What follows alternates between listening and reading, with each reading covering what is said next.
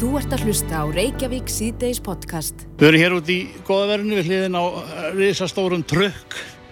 Þetta er nú hérna hjá Almannavörnum og Rökkvaldur Ólafsson aðstofar Lörglhjótt og uh, Almannavarnir eru hátt á bladi hjá okkur sem erum að huga verkefni dagsins. Eh, Það er ekki nokkuð friði fyrir, fyrir náttúröflunum og svo ef við förum ógætilega með eld, er, er, þú ert að báðum vingstöðum. Já, já, það er hérna alltaf verið eitthvað stórt vesinu, þá kemur einn okkar borð og við reynum að passa upp á svona líf og limi og umhverju og egnir og, inn, og allt er innviðir haldið, það er svona verkefni almannar, það er svona, er svona margt sem kemur inn okkar borð. Eh, þetta þykir óvinnilegt um margt þar að segja það logar glatt í, í, í trjáviði jafn sem eh, já, bara uh, grasverðinum. Eh, þetta er svakalega þurft víða Já, þetta er hérna eiginlega frá eigafjöllum og, og upp í hérna uh, breðafjörð á þessu svæði að bara verið þurkar síðustu daga og eins og staðan er núna þá er framöndan bara miklu þurkar líka. Uh, náttúrulega mæ er vennilega sá mánuður ásins sem að fá minnsta úrkoma á Íslandi en það er óvinnu lítil úrkoma líka núna. Hann er, hann er bara miklu þurkar í sjálf sér onni, onni þetta þennan litla úrkoma mánuð. Það verður gerðar uh, varðarástafanir hvað þetta varðar þar að segja eldhætta á þessu svæði sem hún nefnir sem er nú bara dágóður slatti á landinu Já, ég hef náttúrulega búin að lýsa yfir almannaðnastígi og, og viðbræðsalar eru svona í starthólunum. Það er búið að setja á vaktir sumstara sem eru öllu jafn ekki vaktir. Það er búið að færa til ímist tæki og tól sem að hérna þannig sé nær og auðvitað að grípa til þeirra á þeirra að halda. Uh, Lauruglega er búið að bæta við eftirlitsferði sínur um þessi svæði og síðan auk þess er slökkulið fara að fara í eftirlitsferði líka um þessi svæði. Þannig að það er svona ímislegt verið að gera. Kannski, já, heyri til einstæma í, í, í, hjá almannavörnum við, við, við þessar veðurastæður Já, algjörlega og, og, og líka allir, allir slökkulistjórar á þessu svæði er líka búin að gefa út bara hreinlega bann við hérna því að fólk sé með opin eld á þessu svæði. Og það er líka hefur ekki gert gáður í svona, það hefur ekki gerst áður með, með svona þessum hætti að svona margi slökkulistjórar að þurft að lýsa þessu yfir á sama tíma. finnst þér fólk taka þessu vel? Þetta er, þetta er nokkuð ítarleg ítarlega gerðingar sem hefur verið að setja eðlilega? Já, algjörlega, en, en ég held að það sé samt svolítið svona skilningsleysi hjá okkur ennþá, gaggar þess, þetta er svo nýtt fyrir okkur að, að gróðurelda sé að, að, hérna, mögulega hætta og, og fólk tækir þetta alvarlega, að, bara minnsti neisti og, og getur valdið báli og bara veist, vinna með slípur okkur, vinna með hérna, heit tæki sem að hérna, skapa hita eða, eða kveikja lítinn eld. Þó hann hefur lítill, og sætur í ykkur grilli að veist, allt þetta getur hérna, búið til stórt bál.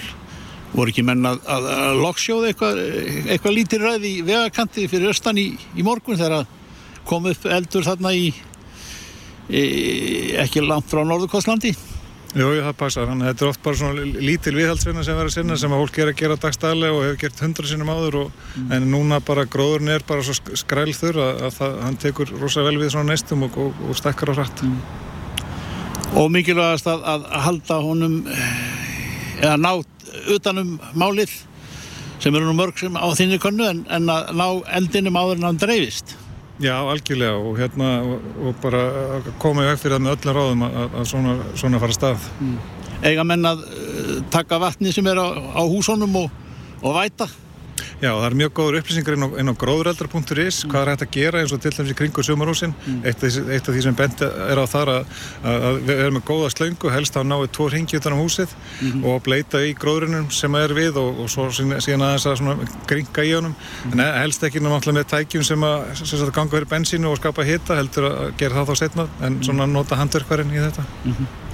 Og, uh, og náttúrulega símar ljóst menni að, hvernig menni að bera sig að til þess að fara í síman sem allra allra fyrst ef hann, ef hann næst að tendrast eldur. Já, fyrsta er að ringi 112 og láta vita og, og síðan að að aðvara fólk sem er í grend þannig að fólk hafi, tækjari til þess að forða sér mm. því að svona hluti geta gerst mjög hratt. E, og sjálfsögum það reyna að slökka eldin ef að einhver, einhver tök á því annars bara reyna að forða sér.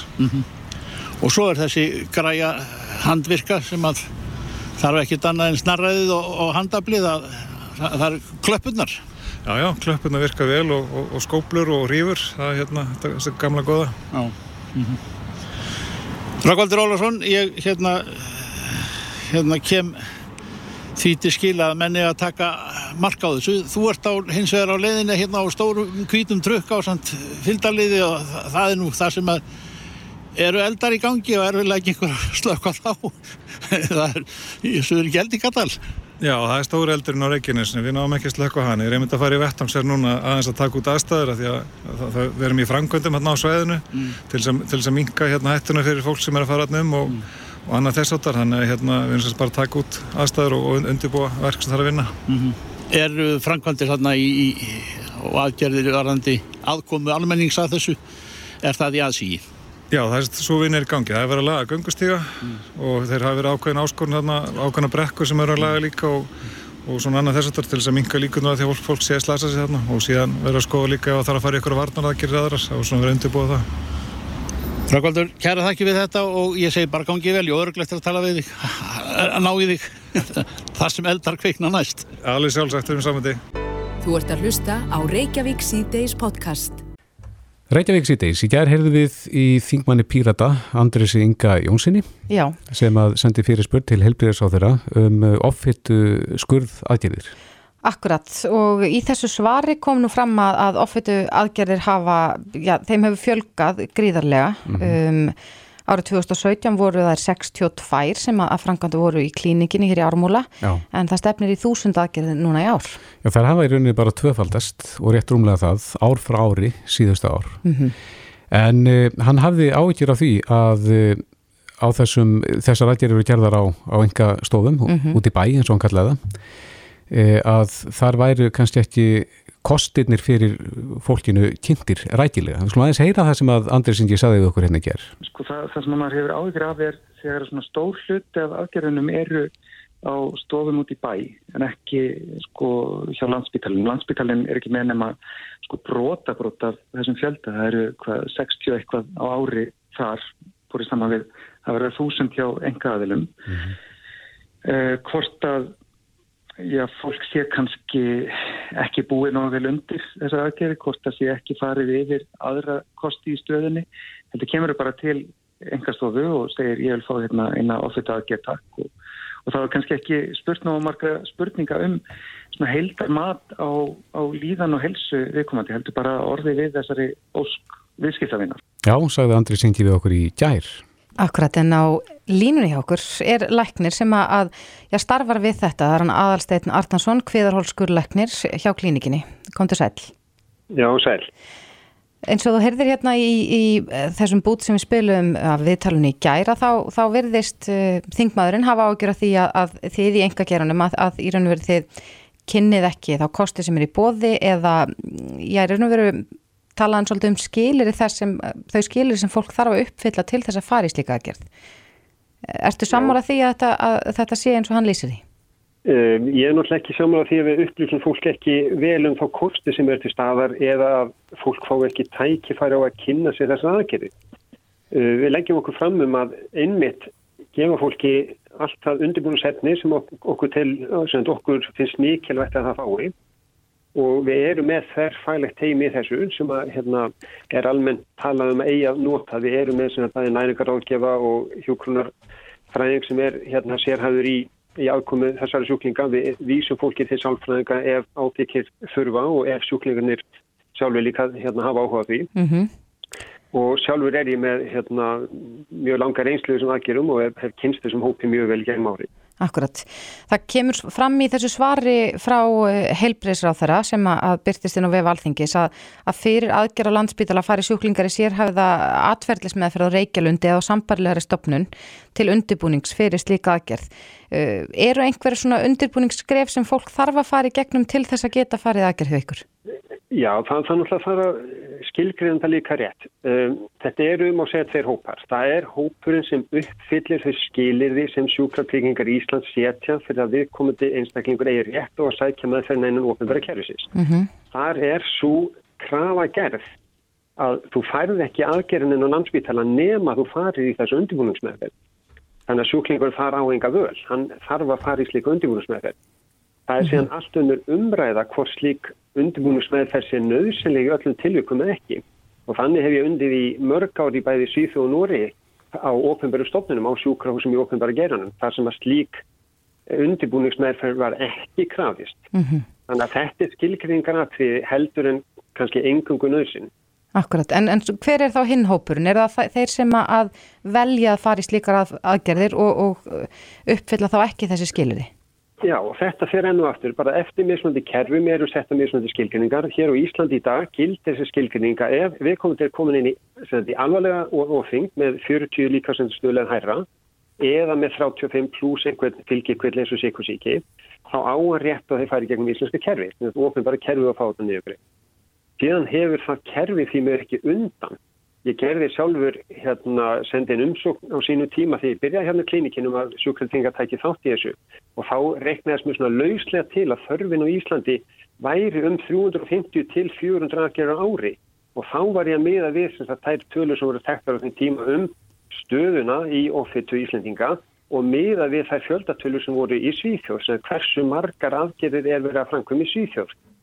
Og þá fekk ég fram þess að tölu cirka 350 til 400 aðgerði þannig að ofinbæra kerfi í Íslandi er einfallega ekki að anna þessum hópi eins og fyrsti Nei, en við... Hópurinn er síðan sá, sá sem uppfyllir ekki þessi skilir í ofinbæra kerfi sem þetta er maðurkomu, það eru þeir sem eru til dæmis, hérna, segjum 35 í líkastöndurstili en eru ekki með fylgisúkduma. Þetta eru sjúklingar sem eiga er raun, sem sagt, hafa mikið gagn af svona aðgerð líka en eiga það ekki rétt á aðkomi hins ofinverða kerfis. Mm -hmm. En uh, af því að við fórum aðeins yfir þess að tölur hérna áðan, þetta hefur orðið tvöföldu nánast ár frá ári, uh, núna undanfærin ár. Hvað veldur því að, að svona margir eru að fara í þessar aðgerðir svona, og að, að þessi, þessi tala uh, hérna tvöfaldist? Ár Já, ég held, að, ég held að það séu margi þættir sem koma saman. Í fyrsta lagi byrjuum við þarna í upphafi ást 2017 og til náttúrulega eins og skef, hérna gefur að skilja er, eru fáir í, í byrjun sem vita bara að þessari þjónustu á þessu stað en síðan smátt og smátt kynist hérna fólk þessari þjónustu og, og þannig verður til nafn sem fólk veit af og, og sækir í. Mm -hmm. Annað er að að hérna sagt, þegar COVID kemur þá náttúrulega er eitthvað hlutfall einstaklingar sem hefur farið erlendist það er fólk er að fara út, út um allan heimi þessar aðgerði. Það fyrir mikið til Eistrasalslanda, það fyrir til Tyrklands og Kepplands og bara við höfum enga yfirsinni ef hvert fólk er að fara. Síðast í gær kemur auðlýsing frá Tyrklandi það sem kostar 3000 eurur fyrir all inclusive í Tyrklandi. Mm -hmm. Þetta eru 450 krónir. Þannig er fólk að fara. Þannig að við höfum enga tilfinningu fyrir hversu margir það sækja sér þjónusan erlendis. Síðan lokast landi þá náttúrulega eigst þetta mikið hér. Auk þess er uh, undanfæðan, það er ekki nema kannski svona 7-8 ár síðan þessi maga ermi kom til sögunar. Mm -hmm. Fram að því hafðu engungu verið gerðar maga hjáutakeri sem eru tölur þær aðgerir og meira svona notar fyrir stærsta hópin. Maga ermin er einföld aðgerð með gríðilega lítið af alvarlegu fyrkjikvillum þar sem fólki líður alveg del og gefur góðan árangur hjá fólki sem er ekki ómikið lofing. Og þetta bara spyrst hrætt úr þannig að, að fólk hefur áhuga þessar aðgerð.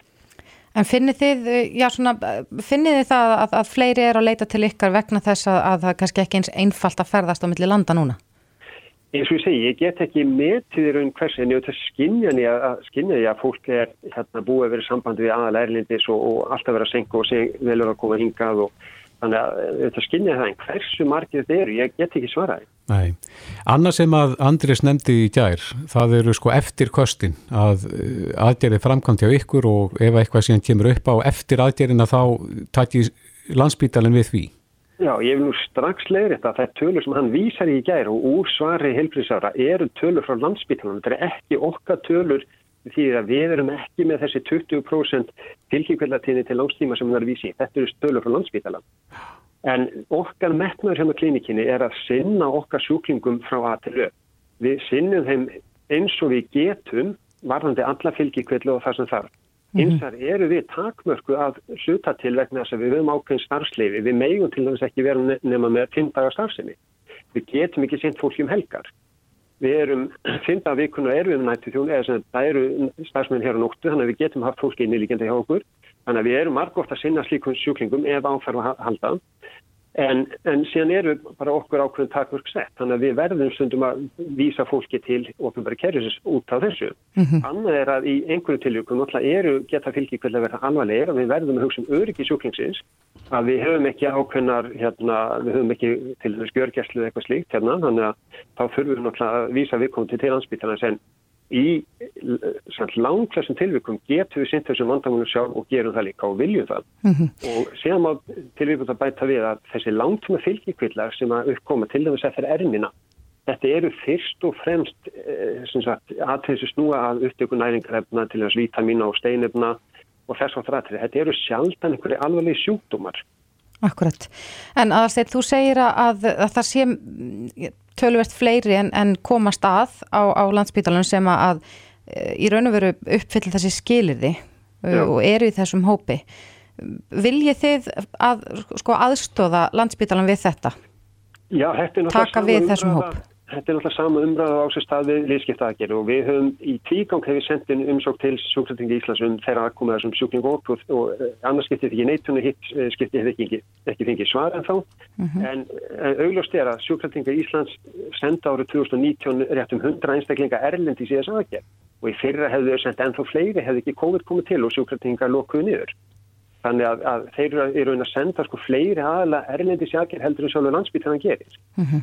Þannig að, að það er alveg augljóst að, að hérna, þörfin sagt, á aðkomi ofinbæra kervisins er mikil og hún á að vera meiri og þessi stúkling og hópur hefur gríðalegt gagnaðar sem aðgerum og, og hérna væri náttúrulega efni bara heilan umræðufátt um, um gagsinu þessar aðgera. Akkurat, en nú stefnir í að, að þúsund manns muni, muni fara í slíka aðger hjá klínikinni í ár. Hversu margir heldur af þeim hópi uh, eru í nefnum uppfylla þessi skiliði? Já, ég get sagt það að meðal þingdastuðlinni okkur er rúmla 41 og kröfur landsbytala eða sem þetta ofnverður gerðins er að, hérna, að BMI tala neyja var 40 þannig að, að ég myndi segja mjög gróla áallat séu kannski 70% okkar sjúklingar sem uppfylla þessi skilleri. Já, akkurat. Þetta er aðteglisvert aðalsteinn Arnason, hviðarhóls skurlagnir hjá klínikin í Ármúla. Kæra þakkir fyrir þetta. Já, takk fyrir. Hlustaðu hvena sem er á Reykjavík C-Days podcast. Við erum hér í alþingis húsgarðinum, getur við sagt. Þannig kem, kemur á, á, vel við það sem við umræðu efnið næstu mínútur við Ágúst, Ólaf Ágústsson Þingmann. Eh, það er allt grænt hérna, það er að grænka og komið vor og allt það og, og þess vegna segjum við þig Ágúst Ólafur að, að hérna Eh, það gekk í það minnsta. Ég, ég er ekki kunnund um ástandi núna. Svona illa að venja eh, Íslandinga af uh, gamla fæðinu þar að segja tilengar sem meira grænti, ég held að hafa samt tölvört áunnist í, í, í setni tíð, en, en þú ert að þér er þetta hugleikið og, og þú ert með þings, þingsáluðuna tillögu um eins og stendur hér um aðgerið til að auka frambóð á neyslu uh, grænkera fæðis svo ég hafi þetta nú alveg kórétt en, en ástæðan fyrir þessu er, er, er eh, þér er máli skilt Já, ég held að það sem er grænt er vænt og ríki hefur ymsum skildum að gegna þegar kemur að frambóðu og nýslu fæðis. Og ekki síst grænkera fæðis eða, eða vegan fæðis, hvernig sem á það er litið. Við sjáum að ríki, þú ofinbera er með búverðarsamninga en einungis 5% af, af, þeim renna til, til styrkja sem fara til garðurskja afurða. Við sjáum að þú ofinbera hefur ímsum skildum að gegna varandi líðheilsu og heilsumál og þar tikkar þetta svo sannlega í þau bóks að, að við förum að borða fleiri ávext og meira, meira, meira græmiti en einni er þið ofin bara mjög stórtækt í innkaupum á fæði, hvað sem það er hjá stopnunum eða hjá skólum eh, hjúgrunheimil og öðru slíku og ég vil einfallega að sé bara hér aukir valfrelsi fólks að þessari tegund e, matvalis. Mm. Þetta virði ég 100% valfrelsi neytenda en við þurfum að gera hér miklu betur bjóða upp á heilnæmt fæði e, ekki sísti í nafni hamfarallínunar, lofslagsbreytinga en einnig í ljósi dýravelferðar og helsufars og líðhelsu þannig að mér finnst þetta var mál sem e, mér er mjög kært og þetta er mál framtíðarinnar mm. Hvaða undirtækt fær svona í, í þýrsalum? Já, ég fæ góðar undirtæktir þetta kannski telur fólk sig þegar þetta skríti hvað er þetta ofinbara skiptis að hvað við kaupum en eins og ég segi, ríki er að gera það sem hætti við sjáum að það er orðið mikil, mikil vitunda vakning hvað þetta varðar. E, saminu þjóðarnar hafa sérstaklega kvart vesturlanda búa til að draga úr kjötneyslu. E, kjötneyslu er afskalvað dýr. Hún nota mikið vatn, mikla orku og, og eh, á sama tíma mannkynir að fara að fjölga um 2 miljardar á næstu 30 árum er alveg ljóst að við þurfum að borða meira grænt. Mm. og ég held að Ísland geti verið með framal í græmmetisframlegslu Nýverið var ákveð að auka græmmendisframlegslu eða styrkilir hennar á Íslandum eitt fjórða. Ég vil ganga miklu lengra og fjórfalda græmmendisframlegslu og það er svolítið skrítið kannski búandi á Íslandi en það er einmitt e, staða okkar á nettun sem gerir þetta e, fært að auka hér græmmendisframlegslu. Við höfum vatn, það er heitt og kallt, við höfum land og við höfum orku. Við þurfum ekki meira til að stór ebla hér græmmendisframlegslu og vera ekki bara innflýtjandi á græmmendi, heldur útflýtjandi og hér skulum líta á sjáurútveginn við erum eh, á heimsmæli hvarða þegar kemur á útflutningi heilnæmra sjáarafurða við getum sömulegs hugsað þannig með gremmitið mm. við höfum ótal tækifarka þetta var þetta er vaksandi markaður. Við þurfum svo sannlega sinna innanlandsmarkaðunum en hér eru sóknarfæri til atunusköpunar sem, sem e, samaskapi stöðla hér að heilnæmu hérna, e, umhverfi og, og bættir heilsu. Anna Gústi, e, það er kunnar en frá þurfa að segja en við höfum um, sko áratuga skeið heilt talað um svona, ég kannski á kostningaári og, og svona á, á, í tillidaga ræðum og svona eh, heilt af eh, þeirri dásemda eiga mikið að heitu vatni og geta komið því undir undir glerþak og, og ræktað grannmyndi bara eins og við værum við miðbögu eða, eða hvar sem það væri annars þar á nettinum en, en það, það er lítið gengið eftir svona þessi, þessi gamli draumur með samtvinnun þessara öðlunda sem við eigum og, mm -hmm. og getum ræktað og, og búið að en er við först í einhverjum viðjum gamalla búsáta en þá? Já, við þurfum að fara að fókusa á, á, á græna í stað hins ferfætta og við þurfum að hjálpa íslensku bændum þessi vilja og kjósa að færa sér frá þessar hefðbunni kjötframleyslu yfir því garðurkjurækt Uh, og áastarækt. Þannig að eitt sem við getum gert er að lækka hér rávorku kostnað, lækka hér fluknískostnað. Þetta er allt sem við erum að takast á í, í, í, í húsinu sem er bakvað okkur hvernig einasta degi við skulum skapa hér hagræna kvata fyrir þessari framlegslu við hafðræðingar eru mjög hrifnir af slíkum kvötum mm. og á það vantar hér. Við erum að beina allt og mikið á sjónum okkar sem hefbundum hérna landbúnaði sem þarf og vill hugsa sér búin nýtt. Það er enginn að fara að banna hér kjötframlegslu eða neitt slíkt, hún verður við líði en við skulum fyrir okkur átt að hennu græna því það er skynsalegt út frá hagsmunum jarðarinnar, það er skynsalegt út frá hagsmunum okkar sjálf, vegna okkar, okkar hérna, líkama og heilsu. Og síðan er komin heilmikil vitundavakning þegar kemur að dýra velferð og ég hef mikil áhuga maður um dýravend á Íslandi. Það er í mig siðferðisrög að við þurfum að fara endur hugsa aðeins í mig búskap, ekki síst í svínarækt og kjúklingarækt og öðru slíku það sem aðbúnaði dýra er skelvulur verði að fjölda framleyslu þannig að eins og ég segi, mér finnst þetta mál hafa allt og ég er mjög spenntur að mæla fyrir því hérna sen í dag mm. Á, ég skulle vona að, að græna hagfræðin e, nái betri fótfestu Ég heldur betur og, og eins og ég segi þetta þetta er líka atvinnuskapandi, þetta mætir breyttir í neysluhauðun, e, já þrjá runga stelpur og tværðar með eru græmyndisætur og ég sé í kringum þær þá er mikil áhugja að borða meira grænt, meira græmyndi og þetta er bara það sem næsta kynslu mun líta svo sjálfsögum augum að uppist að fæðu mangis verður e, úr Jöstaríkinu en ekki úr dýraríkinu. Ágúst Ólvar Ágússon, þingmaður, gærar þakki fyrir þetta. Reykjavík síðdeis á bylginni. Jæja, Reykjavík síðdeis á sama tíma og það eru gleði fréttir hér, eitt stærsti bólusetningadagin í dag, þetta ekki, svona mm -hmm. með þeim starri. Já, 10.000 eða 11.000 manns uh, sem á bólusetja í lögdarsöllin í dag. Já, og það stýttist í að við náum bandaríkjumönnum, sílst okkur, svona þegar það kemur að, að fjölda bólusettra. Já, allavega, ég sá línuritt, línuritt byrtast í dag og þar erum við á, á hraðri leiðan á bandaríkjumönnum. Já. En staðan er aftur á móti munverri á Indlandi. Þar eru, eru indverja bara í mjög slæmu málum. Já, síðasta sólarinn greindust 329.942 með COVID-19 á Indlandi. Já, og erum við ekki fannir að tala um uh, indvest afbreyði? Jú, það er talað um indvest afbreyði og nú hefur allþjóða heilbreyðismálastofnunin sett þetta afbreyði á gátlista.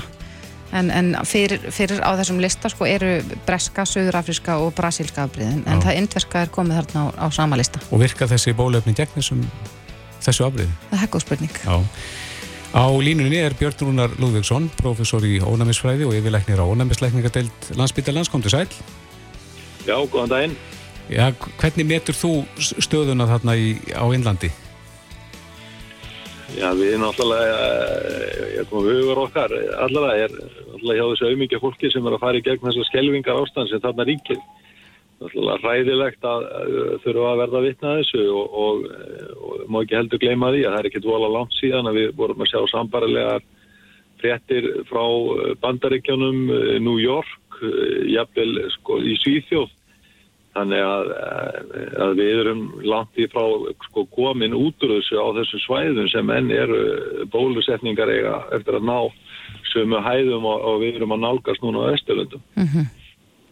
En uh, hvað þýðir það alþjóða heilbreyðsmálastofnun hafi sko, skilgreint þetta sem alþjóðlegt áhyggjöfni? Sko það er náttúrulega það sem að gerist þegar að svona er eins og við höfum séð bæði í, í Af- Afríku og svo í Brasilíu og svo núna í Indlandi er að þegar að tíðnin á smiti verður svona mikil og, við þeim í samfélaginu að það gefur miklu meiri tækjafyrir fyrir veiruna að stegubreitast og, og, og breyta sér. Og þetta er, hafa menn náttúrulega séð í öðrum veirusýkingum í gernum tíðina. Hvað þarf stökkbreytingin að vera mikil til þess að bóluefni ná ekki yfir þetta? Það er mjög góð spurning. Við, sko, bóluefni núna er miða sem sagt gegn þessu spike-prótini sem er þetta gatta-prótin sem veira á nota til þess að komast inn í vefi líkamans og eh, bóluefnin hafa enn sem komið er verið að virka nokkuð vel þó mismunandi vel gegn þessu mismunandi afbreyðum, eiginlega síst gegn brasilíska afbreyðinu eh, og, og, og það er og núna vitum við ekki nákvæmlega hvernig að staðan er gagvart þessu indveska en, en það er margt sem bendir til þess að virkni bóluefna verður kannski ekki góð gegn því. Þetta er náttúrulega það sem ég rætti um áður og hef talað um áður að, eh, og ásland fleirum að, að það sé sterkar líkur á því að, að við þurfum að bólusetja nokkuð reglulega gegn þessarum, þessar veiru. Eh, núna um, um einhvern skeið og, og þess vegna er ekkert ólíklegt að, að við þurfum að fara í endurbólusetningu eftir kannski eitt ári og jafnvel fyrr. eh, eftir því hvernig að tekst að hefta útbreysluna. Þannig að það er náttúrulega mi mikilvægast að verkefni núna er að hefta útbreysluna og slökku á þessum faraldri sem er, sem er, er núna eiga sér stað. Þarna og reyndar eh, er, er efni í aðra sambarilega púðutunnur og öðrum gettbílum svæðum. Hva, eins og hvar? Já, það er náttúrulega á þessum stöðum þar sem að við búum ekki við þannig lúksu sem við hefum hérna, til dæmis hér á Íslandi og á Vesturlundum eiga svona greiðan aðganga að heilbjörnstjónustu og með góða innviði og svo náttúrulega ekki síst að það hafa greiðan aðgang á bóluefni. Þannig að púðurtunnirnar eru víða. Þannig að það er eiginlega líkillin núna og, og, og vonandi verður enn meiri átak í því að, að tryggja þessum löndum uh, sko aðgengja bóluefni og fyrir alla. En, en telur þú yfirknandi líkur á því að þetta verði bara svipa og við þekkjum raun og veru bara með sko influensuna að, að eh, við munum fá uh, bólusetningu á hverju ári til þess að forðast, að, forðast heimsfaraldur eins og við sáum núna? Miða við núvarandi þróun og þá held ég að séu sterkar líkur á því. Það er eins og að nokkuð ljóst held ég að við sem höfum verið bólusett og þeir sem hafa fengið sjúkdómin að þeir verða einhver liti varðir Mhm. eh, en einhver séu held ég að það verði, verði nokkuð sterkar líkur á því að við þurfum að fá eh, sko, bólusetningu eins og talar um, eins og fyrir influensuna. Akkurat. En núna á dögunum var, uh, var það gefið út að uh, heimilt verður að bólusetja börn með Pfizer bólefninu að minnstakost í bandaríkinum. Telur þú líkur á því að það, svipa verði gert hér, að það muni fara í ferli að börn verði einni bólusett? Sko, eh, nú eru þeirra aðeins byrjaðar að byrtast niðurstöðunar á þessum rannsóknum sem verða að vísa til og, og, og, og ekkert langt síðan að það var byrt ágætt rannsókn fyrir 12 til eh, 16 ára þegar minnir fyrir Pfizer og önnur, önnur fyrirtæki hafa líka verið að, að, að hefja rannsóknir, eru langt komni með rannsóknir á, á börnunum. En ég held að menn á hverjum stað takir svolítið eh, sko mið af því hversu algengt smitið er í samfélaginu. Sko börnin eru almennt að smittast síður en það hefur nú komið ljós að eins og bæðskabriðið að það verið smitta börnin meira heldur en önnur og svo hefur við eftir að sjá hvað þessi nýja afbröðu eins og þetta indverska gerir í börnunum en já, ég held að líkunar séu meiri en minni að, að, að við munum fara að bólusittja börn í vaksandi mæli, mæli á næstu mánuðu.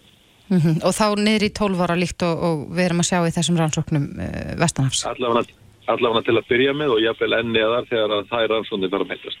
Já, hversu langt heldur að verði farið í, í aldri niður?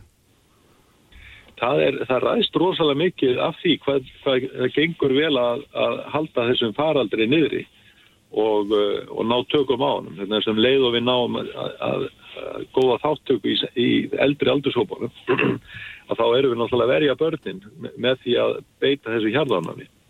Þannig að, þannig að það náttúrulega stjórnar svolítið að því og, og eins og ég segi hvernig að staðan er almennt í samfélagunum. Það, mm -hmm. Það getur vel verið að við þurfum að breyta og sóttvarnalækni muni, muni gera það í, á næstu mánuðum að, að breyta afstöðu sinni með til, til þess hvernig staðan er í kringum okkur. Já, en nú sjáum við að það er, gengur vel að bólusiti hér á landum, maður getur verið virkilega þakkláttu fyrir það, um, en með að við stöðun eins og hún er í dag, ættu við Íslandingar hafa ágjör af því ef að, að þetta indverska afbreyði kemur hingað, að það muni ná útbreyslu?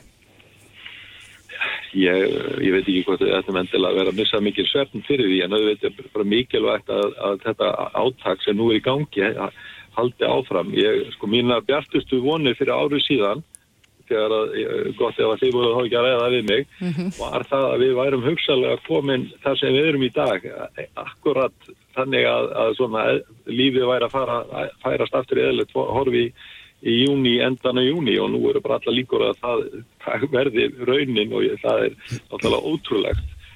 Og, og ég held nú að, að, að það verði ofan á. Það e, sko ég hef kannski ekki miklar áhugir af því að indurskapirði fari á flug hér svo lengi sem að við pössum okkur að viðhalda þeim vörnum sem e, sótvarnarlæknir og, og náttúrulega yfirvöld, tilbyrgsiföld hafa lagt og ég held að það sé bara mjög mikilvægt að við höldum áhrifan að passa upp á smittvarnir og, og, og klárum þetta bólusetnir átakum þess að það er líkillin að, að, að hefta útbreyslu verunar. Björn Rúnar Lúðvíksson, professor í ónæmisvæð og yfirleiknir ónæmisleikning á landsbítalanum. Kæra þakkir fyrir þetta. Takk sem er leiðis. Þetta er Reykjavík C-Days podcast. Eitt af því sem við höfum oft rætt hér í þessum þætti í tengslum við kórnuveru faraldurinn er þetta rakningar app. Já. Og uh, við erum búin að byggja mjög spennt eftir uppfærsla á þessu appi þar sem að nota, notast verður við svona bluetooth-tækni í stað GPS staðsetningar. Já, það sem að símanir tala saman í rauninni. Akkurat og ég og þú setjum nú oft svona nokkuð nálat hvort öðru og Já. þá virkar þetta held ég þannig að ef við erum hlifið hliði lengur um 15 mínútur að þá uh, lokka símanir það og, mm. og, og þannig er hægt að ef ég smittast á COVID að þá er þið þú látin vita. Já, og, og líka sko ef maður er nálat fólki sem maður þekkir ekki neitt. Akkurat, en uppfæslan er sem sagt komin, hún Já. kom í morgun. Þú er komið með henni í síman? Ég er komið með henni í síman, mjög spennt fyrir því. Mm -hmm. en á línunni hjá okkur er Ólafur Ragnarsson verkefnstjóri hjá Embætti Landlæknis. Kom til sæl Já, kom til sæl Þetta lítur að vera mikill gleði dagur hjá ykkur við það er margir búin að býða spenntir eftir þessari uppfæslu Já, svo sannlega þetta er mikið var mjög spenntur í morgun þegar við gáttum settið til loftið. En hver er helsta breytingin svona fyrir hlustendur sem að þekkja þetta ekki alveg nóvel? Uh, helsta breytingin er svo að nú hættum við að nota staðsetningagögn og notum í staðin þessa Bluetooth-tekni sem að þið voruð að ræða um mm -hmm. að símar í nálæð skiptast á sagt, uh, ópersonagrinnlegum liklum og síðan ef að einhver einstaklingur smittast og hérna, þá getur hann sendt sína likla og þá fá, kemur tilkynning í alla þá síma sem að voru nálagt viðkomandi í 15 mínútur eða lengur. Mm -hmm. Hvar litja mörkin eins og Þórtís nefndi hérna aðan að er það tíma lengtin þar að segja að maður hafi þurft að vera nálagt þessum aðalega í 15 mínútur eða hvar, hvar litja mörkin? Sko, svo ég fara nú ekki út í ómikil tækniatriði þá er þetta svona í stuttumáli þannig að e, við miðum við 2 metra mm -hmm. og, og tíman 15 mínútur. Hins vegar ef þið farið mikið nær þá stittist tíma lengdin tíma, tími sem þarf að vera nálagt mm -hmm. að, og þetta er byggt á, á sendistyrk þannig að, þannig að hérna, og það er alveg rétt að fólk vita því að þetta getur uh, og það er bara þekkt staðarendi í þessu að þetta getur alveg láti fólk vita og vara fólk við sem hefur verið, verið sikkur með við glér og er einnig ekki Að, en það er bara þekktur, þekktur hluti sem við vitum af og, hérna, og tökum með í, í reikningin. Það voru mjög margir sem að í raun og veru voru allir kvartir til þess að só, uh, sækja rakningarappið, uh, það sem heitir rakning C19 í svona í fyrstu bylgin og þetta var að koma út fyrst en mm -hmm. hefur það gengið vel að, að nýta appið eins og að var áður? Kanski ekki eins mikið við áttum vonu bæði í rauninni veit fólk, vissi fólk í, þegar við vorum í fyrstu bylginni þá vorum við öll einhvern veginn í þessum baráta ham og við vorum bara heima og fórum út í búðið í vinnuna og hérna það vissi allir hvað við voru þannig að uh, það þurfti í rauninni var ekki þörf fyrir það eins mikið og, og var haldið mm -hmm. þannig að en, hérna Hvernig er það? Núna er uppfæslan komin þar fólk að, að, að sækja appið upp á nýtt eða gerist það sjálfkrafa í símunum hjálki? Uh, fólk sem er með gamlaðið er uppfæslu en það er gott að kanna það því að þegar að fólk færi uppfæsluna þá þarf fólk að opna appið og fara í gegnum samþýttaferðlið að samþykja kveikja á þessu símanum því þetta er allt háð samþykki notandans. Mm -hmm. þannig að þarf að fara í gegnum það. Uh, síðan þeir sem ekki er með við náttúrulega kveitjum þá til þess að sækja þetta. Og og þá gera þeir bara sama sækja appið og opna það og fara í gegnum þetta samfélta ferli Já. Ef að fólk fær síðan tilkynningu um að það hafi verið námönda við smitaðan einstakling, hva, hvað á fólk að gera? Þá getur fólk, uh, allir eldri en 16 ára geta hérna það er byrtist takki í appinu þar sem þú getur smelta á og þá ferðu inn á síðu þar sem fólk getur skráð sér í svo kallega smitgátt uh, í því fælst að fólk er kvart til þess að gæta sín og fara ekstra varlega og huga og, og vera vakandi yfir fyrir enginum mm -hmm. og getur fengið bóð í sínatöku mm -hmm. eh, þessi yngre en 16 ára þeir þurfa að fara að gera þetta í samráði við fóröldra sína En er þetta þá undir notandanum komið að, að láta smitrækningateimi vita að, að maður hafi verið í námynda við eitthvað smitan? Já, þetta er algjörlega háð því að, að einstaklingurinn vilji skrá sér sjálfur Já, og gefið sér fram. Get, já, þú getur alveg hunsað þetta. Uh, fólk, notendur hafa fulla stjórn í rauninni á hvað þeir gera. Uh, þú getur, getur hend öllum uh, liklum úr símanum í stillingum og, og, hérna, og fólk getur hunsað tilkynninguna og fólk getur líka neyta að senda liklana. Þannig að þetta er allt háðu notendanum mm -hmm. og náttúrulega vilju bara til fólks að nýta þetta því að þetta er þó að við séum eh, kannski senkt með þetta app og þá eru við samt sem áður eh, náttúrulega að fara inn í sömarið með tilheyrandi hérna vonandi bara hérna. Ferðalögum og hittingum? Já, ferðalögum og hittingum og gleri og, og hinga að koma ferðamenn. Þeir, þeir að sjálfsögðu geta líka sem sagt sett sína líka hér ef það er greinast hérna á Íslandi Þetta virkar best í krafti fjöldans þannig að við á, hérna hvetjum fólk til þess að, að hala þessu niður og taka þátt í þessu verkefni. Algjörlega. Ólafur Ragnarsson, verkefnastjóri hjá Embætti Landlæknis, kærar þætti fyrir þetta. Takk sem leið. Reykjavík síðdeis á Bilginni podcast. Reykjavík síðdeis á Bilginni heldur áfram. Það er oft talað manneklu í lauruglunni og, og maður fær að heyra og líka kannski í tengslu við stýttingu vinnuvíkunar. Það verður aðeins verið til umræða að það þurfi svo sannarlega að bæta í mannskap Einnig. til þess að, að það verði hægt að framkoma þetta mm -hmm. en uh, það var gerð rannsók við Háskólan Akureyri og þar var verið að rannsaka manneklu lauruglu og mjúka lögjæsli í dreifbílu og í þessari rannsókn var sko kortlagt þróun mannabla íslensku lauruglunar mm -hmm. frá árunni 2007 Já það hefur nú oft komið fram í umræðinu að fjölgun lauruglumanna hefur ekki fyllt fjölgun bæði landsmanna mm -hmm. og svo ferðamanna sem að uh, fjöldi þeirra hefur aukist til muna á undanfjöldnum árum. Akkurat. En eins og segir, það er búið að rannsaka málið. Guðmundur Oddsson, uh, dósent við Háskólan á Akureyri í félagsvæði er á línu, kom til sæl. Já, góð daginn. Svona helstu niðurstöðunar í þessari rannsókn ykkar? Já, ég uh, gerði þessa rannsókn á, á kollega mínum Andrew Paul Hill og þarna helstu niðurstöður, þetta var sem sagt tvíþættar ansókn, annars vegar voru það kortlækja mannablaðlauruglunar og, og, og þróun frá 2007 og hins vegar upplifin dreifbílis lauruglumanna helstu áskoðun þeirra á bjargóðum og helstu niðurstöður sem að snúa að manneklun, ef við byrjum bara því er að uh, lauruglumennum á Íslandi fækkaði um 9% frá árunnu 2007 til 2017 Mm -hmm. uh, á sama tíma og landsmönnum fjölgaði um 10% og ferðamönnum sko, ferðamannafjöldin hann fimmfaldæðist fór úr tæplega 500.000 í næstu 2,5 miljónir og, og allt eru þetta einstaklingar sem að þarna, lauruglan þarna, þarf að hafa gætur á. Mm -hmm. Það er oft talað um sko, sko fjölda lauruglumenn manna á hverja hundraðust íbúa. Hvernig stöndu við okkur í samanbyrðu vennu lönd hvað það var þar? Já, í samanborið við önnur Evrópulönda þá erum við þetta með hvað fæsta. Það er bara finnar sem eru með færi lauruglumenn per 100.000 við erum með 185 á hverja 100.000 íbúa. Mm -hmm.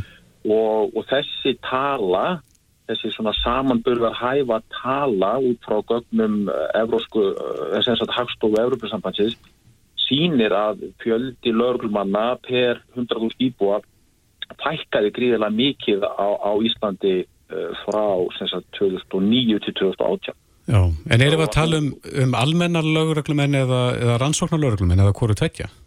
Já, þetta eru tölur bara fyrir alla löguröglumenn, þannig að þú er með almenna og, og rannsóknar og, og, og allt það undir, sko.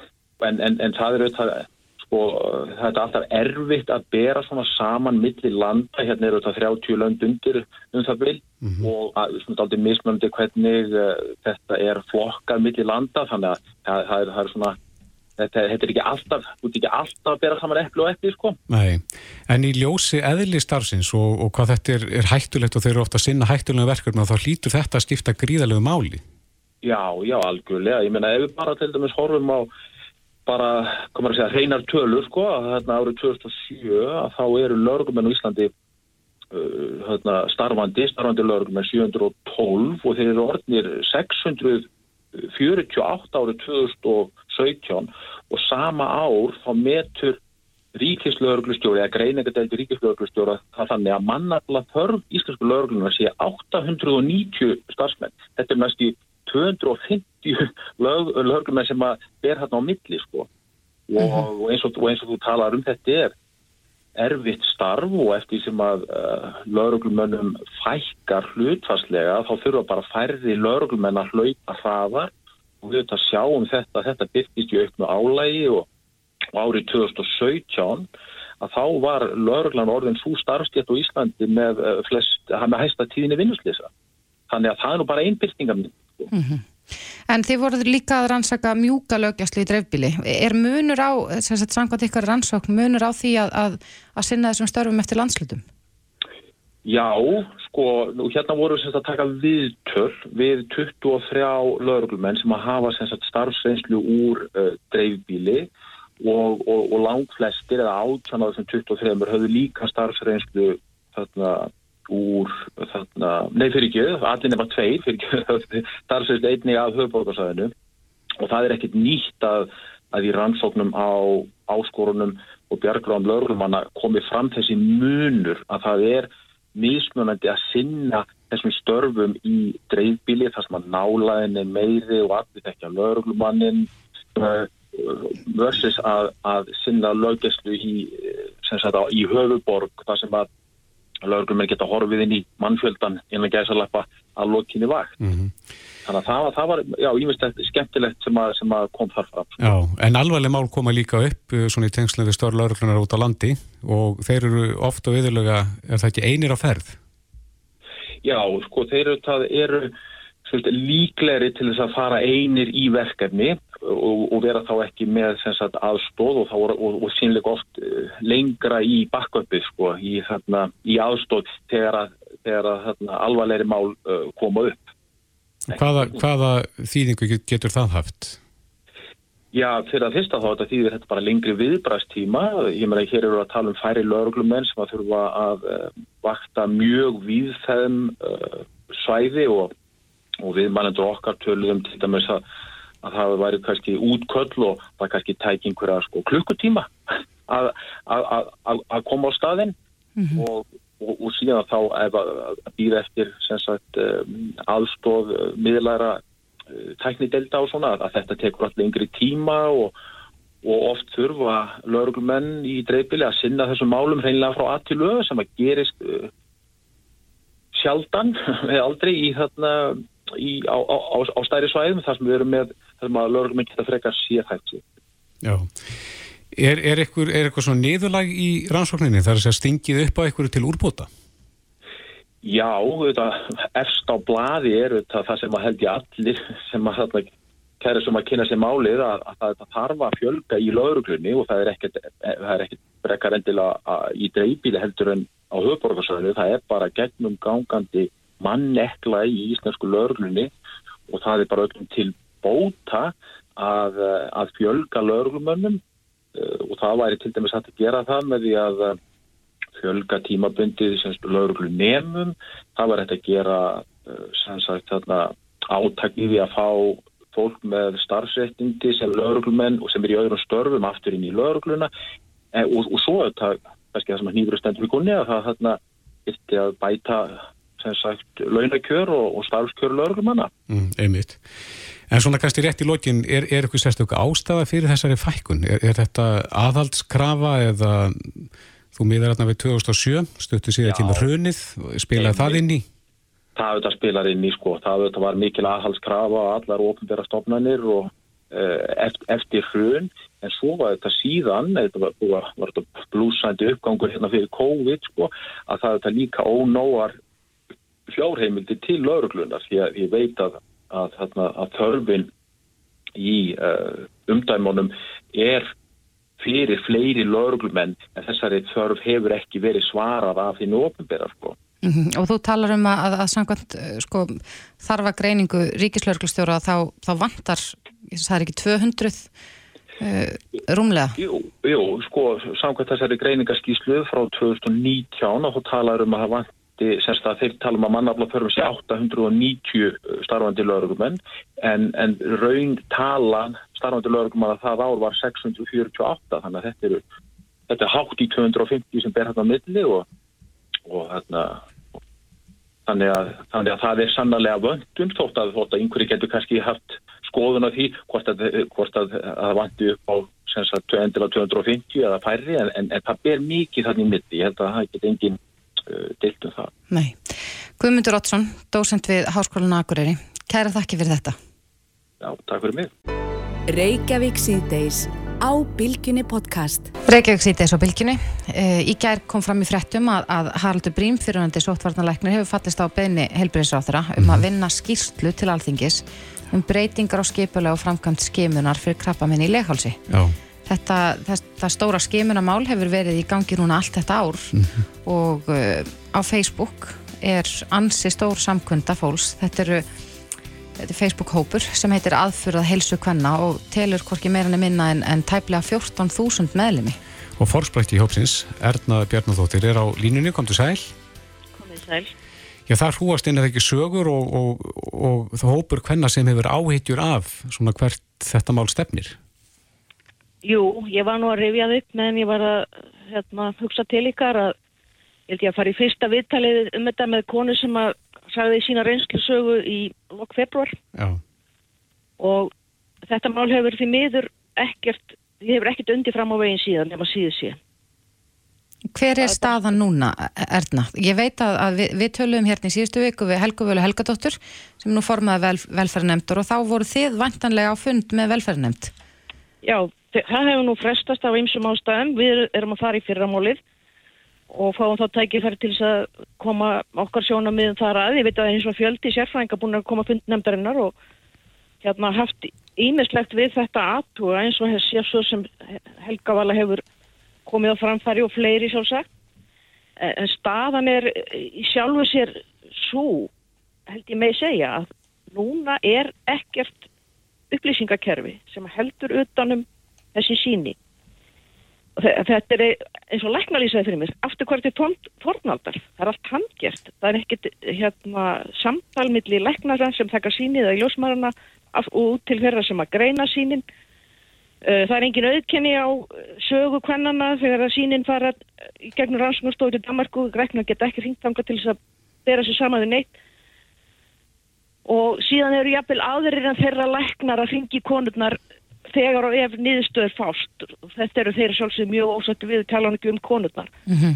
og nú er síðast í dag er nú lýsing frá Jacqueline Guðgjarsson á eigistöðum það sem hún segist er reið, kvíðin og ráðlis ég held að hún mæli bara fyrir hönd mjög margra kvenna sem að eru búin að vera í þessum spórum bara það sem afir þessu árið því miður. Akkurat, er þetta svona svolítið samnefnar í þeim sögum sem að byrst hafa inn á Facebook-hópnum að, að það er þessi hræðsla og kvíði og, og, og óvissan sem að skapast við, við þetta ástand? Já, sko, það er þetta, þetta hafa fjöldi hvenna fengið svör, það er samt stór hópur sem að hefur ekki fengið úrlöst sinna mála alveg í það að vera sögur eins og uh, þessi kona segir þarna og höfður eftir henni til dæmis á vísi.is í dag og það er ekki heilbriðstjónusta sem að, ekki besta heilbriðstjónusta sem hægt er að bjóða því það er, þetta er verra heldur það fyrirkomlega sem var. Mm -hmm. og eðlilega allir sem eru í óvissu um sína heilsu og býða niðurstafana rannsókna eru hrettir og kvinnis, það er bara við erum það öll. Akkurat, en nú hefur uh, heilbriðsráður að falið Haraldi Brím að vinna skýrslu um krabbminnskimandnar hvernig líst ykkur á þetta? Ég hef enga skoðun á því hvort að Haraldur Brím eða einhver annar gerir þetta.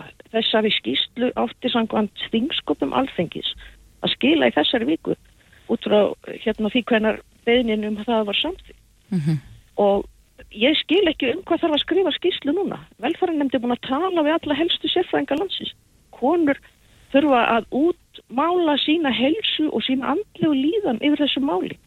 Hvað þarf að skrifa skýstlum þetta? Er ekki hægt að hlusta bara á það sem fólk er að segja? Akkurat. Það hefur enginn beðist afsökunar til, til þessara kvenna sem að lýsa svona líðu með. Það er enginn auðmýtt og eins og er búið að segja á þeir í viðtölum við þessa konu, síniði þeim samúð í það minnsta. Ekki bara bjóðu upp á skýrslu núna þegar alls það er búið að segja allt sem segja þarf. Nei. Serð þú hvert ljónið í veginum er? Hvar, hvar er tappinn? Já, ég tel að það sem þarf að gera er að það verður einfallega að hverfa frá þessu fyrirkomulegi sem að fari var að stað með um síðustu áramót.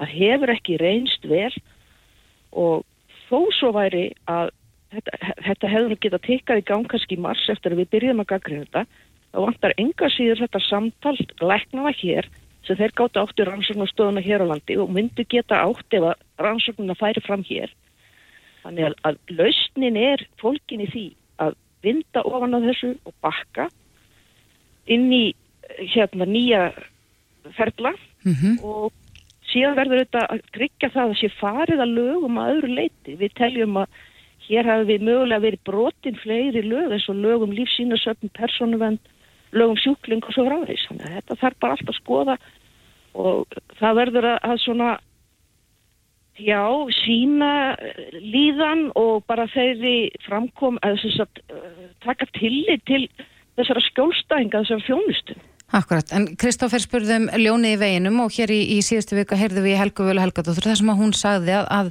að vegna þess að þetta er vissulega ákvörðun heilbreyðsráþara, að heilbreyðsráþara þurfur hennilega að bakka með þessa ákvörðun. Má maður álíkta að heilbreyðsráþara sjálfur sé ljónið í veginum? Ég vil ekkit mála neina hérna skratta á segja. Það er alveg ljóst að ákvörðuninni um hverjum er falin hvaða verkefni í þessu eru heilbriðsráðara. Alþingi hefur ekkert valda á þessu máli þó að það hefur að frumkvæði tekið það upp. Þannig að allar ákvarðanir á endanum fara fram á því borði. Eins og ég sé þetta. Erna Bjarnadóttir, forsprætti í hópsins aðfura helsu kvenna á fjörsborginni. Kæra þætti verið eftir að gangi ykkur vel. Ég bara þakka kellega fyrir að sína þessu áhuga fyrir vittalið. Reykjavík síðdeis á bylginu. Eh, í gær kom fram í frettum að Þetta er Reykjavík síðdeis podcast. Fyrir í þættinum hefur við já, rætt um þetta sem að e, e, flokkast undir útkall þar að segja menn þurfa að, að hafa allan var að ná og, og gæta mörgu þeirrir fara já, nú um e, fjölfarnar helgar já, já, allt frá vesturlandi norðarlega og, og, og, og söður fyrir. Mikið og brögþurft land. Skóivaksi þar sem er sumabústaðalöndin e, á söðurlandi eru.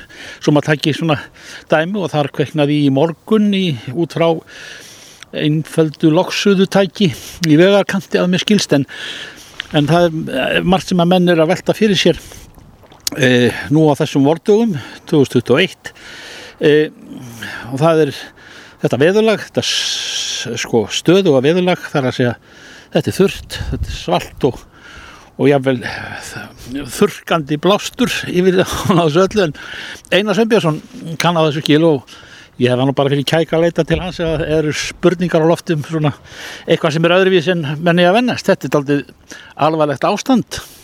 Þetta er að vera aldrei svæsið, það er búið að vera þurrt á Suður og Vesturlandi núna í einhverja vikur. Eh, hvað 11. mæ í dag þetta er orðnir einhverjir 16-17 dagar sem að valla hefur ringt sko. Og á sama tíma þá hefur leikið um okkur, leikið um okkur svona norðan eh, þyrkingur þurrt loft sem að sólinn hefur skinnið þannig að, að hún er hátt á lofti. Þannig að jarðvegurinn hann hefur þotnað mjög hratt. Og að mér segja að skrýður um úttagan þá finnum maður alltaf fyrir bleitu lengur sem er nú mjög óvanlegt á vorin sko þegar allt er mettað af, af, af vatni.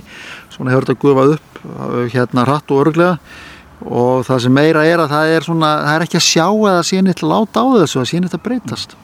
Er eh, staða, hæða og lægða á norður kveli er þetta, hefur þetta fæst eitthvað til? Ég grýp nú bara það sem að menn álíkta af því að horfa á kortin dag eftir dag. Já sko það er nú, er nú hérna, menn þekkja það nú sko að eh, að það var nú kollu prófasól, það er sólinn skein alltaf í mæ þegar að, að Já, fólk já, er í já. prófum sko, það er, minningar hans í margra, þannig að þetta er kannski, þetta er einkennis veður mæmánaðar, getur við sagt, eða svona eftir sumandaginn fyrsta, en, eh, en ekki að þetta standi svona lengi og í sjálfu sér er þessi kapli ekkit orðin þannig að þessi langur ef, ef, ef, ef hún skildi ljúka morgun. En það er ekki útlýtt fyrir annað en að það er ekkit sem bendir til þess í stöðu veðurkerfana að, að þau sé að taka einhverjum breytingum. Nei. og að e, það er áfram þessi norðanátt hárþrýstingur, niðurstreymi loft hérna uppi sem að eyðir öllum skýjum og sólin hérna, sólin skín og uh, almennilega myllt loft sem inni heldur þá ég vilt á þessum árstíma líka dálítið raka að að maður sér það ekki almennilega hvernig það getur komist til landsins borist jáfnvel eftir einhverjum krókaleðum yfirleitt að þegar maður er að skoða spátnara þá sér maður svona 8. til 10. degi að þannig nú einhver vona að, mildalofti komi úr suðu vestræði eftir frá Evrópu og, og það er nú eitthvað að rigna en það er eins og þetta sé bara alveg fast í farinu og eh, við kláruðum prófin með mér sjöfnum árangri af þessu hér forðum daga eh, pró, eftir, eftir, eftir svona frekar bjartan en oft á tíðum leiðilega þurran mæmánuð en, en eh, kom, kom svo ekki rigningi í kemur hún ekki í júni Já, maður má ekki segja það sko, þetta er, það er þannig í, í, í mæ að að, sko úrkoman á Íslandi er alltaf minnst í þessu mánuði, það er ýmsar ástæður, ýmsar ástæður fyrir því sem ég ætla ekki að fara, fara, fara hér í en svo, svo má ég lega segja það að samkvæmt almanækinu að þá byrji svona einhver sömartíð í byrjun júni, þá fer landið að hittna og rísa skúraski yfir því sko. Og norðu hjarn er allur byrjað að lína og, og, og, og þá hérna breytir um veðulag en sko spotnar ná ekki svo langt en þá, Nei. það er svo marga vikur eftir að mæ og hérna og svo líka getum við, við getum kannski saga hugga okkur við það að meðaltali segja okkur eitthvað en svo er veðri líka í júni það getur verið markberðilegt en, en sko að það er engi þurrkur svo langur að, að ekki fara að rigna á endanum sko Þeir voru að spá einhverju smá vætu það, einhverju vonarglæta held ég á, Já. á morgun eða hinn Já, það eru föstudaginn, föstudaginn kannski líka á fimmtudaginn, það er, það er svona aðeins meiri hálfáttukuldi og óstöður á loft þannig að það getur myndað sér skúraský Já. og, og hérna og það er bara vonandi að, að, að, að þau hitti bara vel á okkur, það rignir aldrei úr þeim. En, en málega það að ef að þetta er tiltúlega lítil væta örfóða millimetrar og ég fæl ekki einu svona það að það skiptir bara svo litlu máli í stóra samenginu það, það, það bleitir ekkit upp í jarðvegi.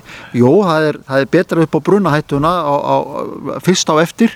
En ef, að, ef að það letir aftur til og sólinn fyrir að skína þá er, verður þetta bara jafn þurft aftur. Einar Söpjusson, vonum hið besta. Alltaf. Þetta er Reykjavík C-Days podcast.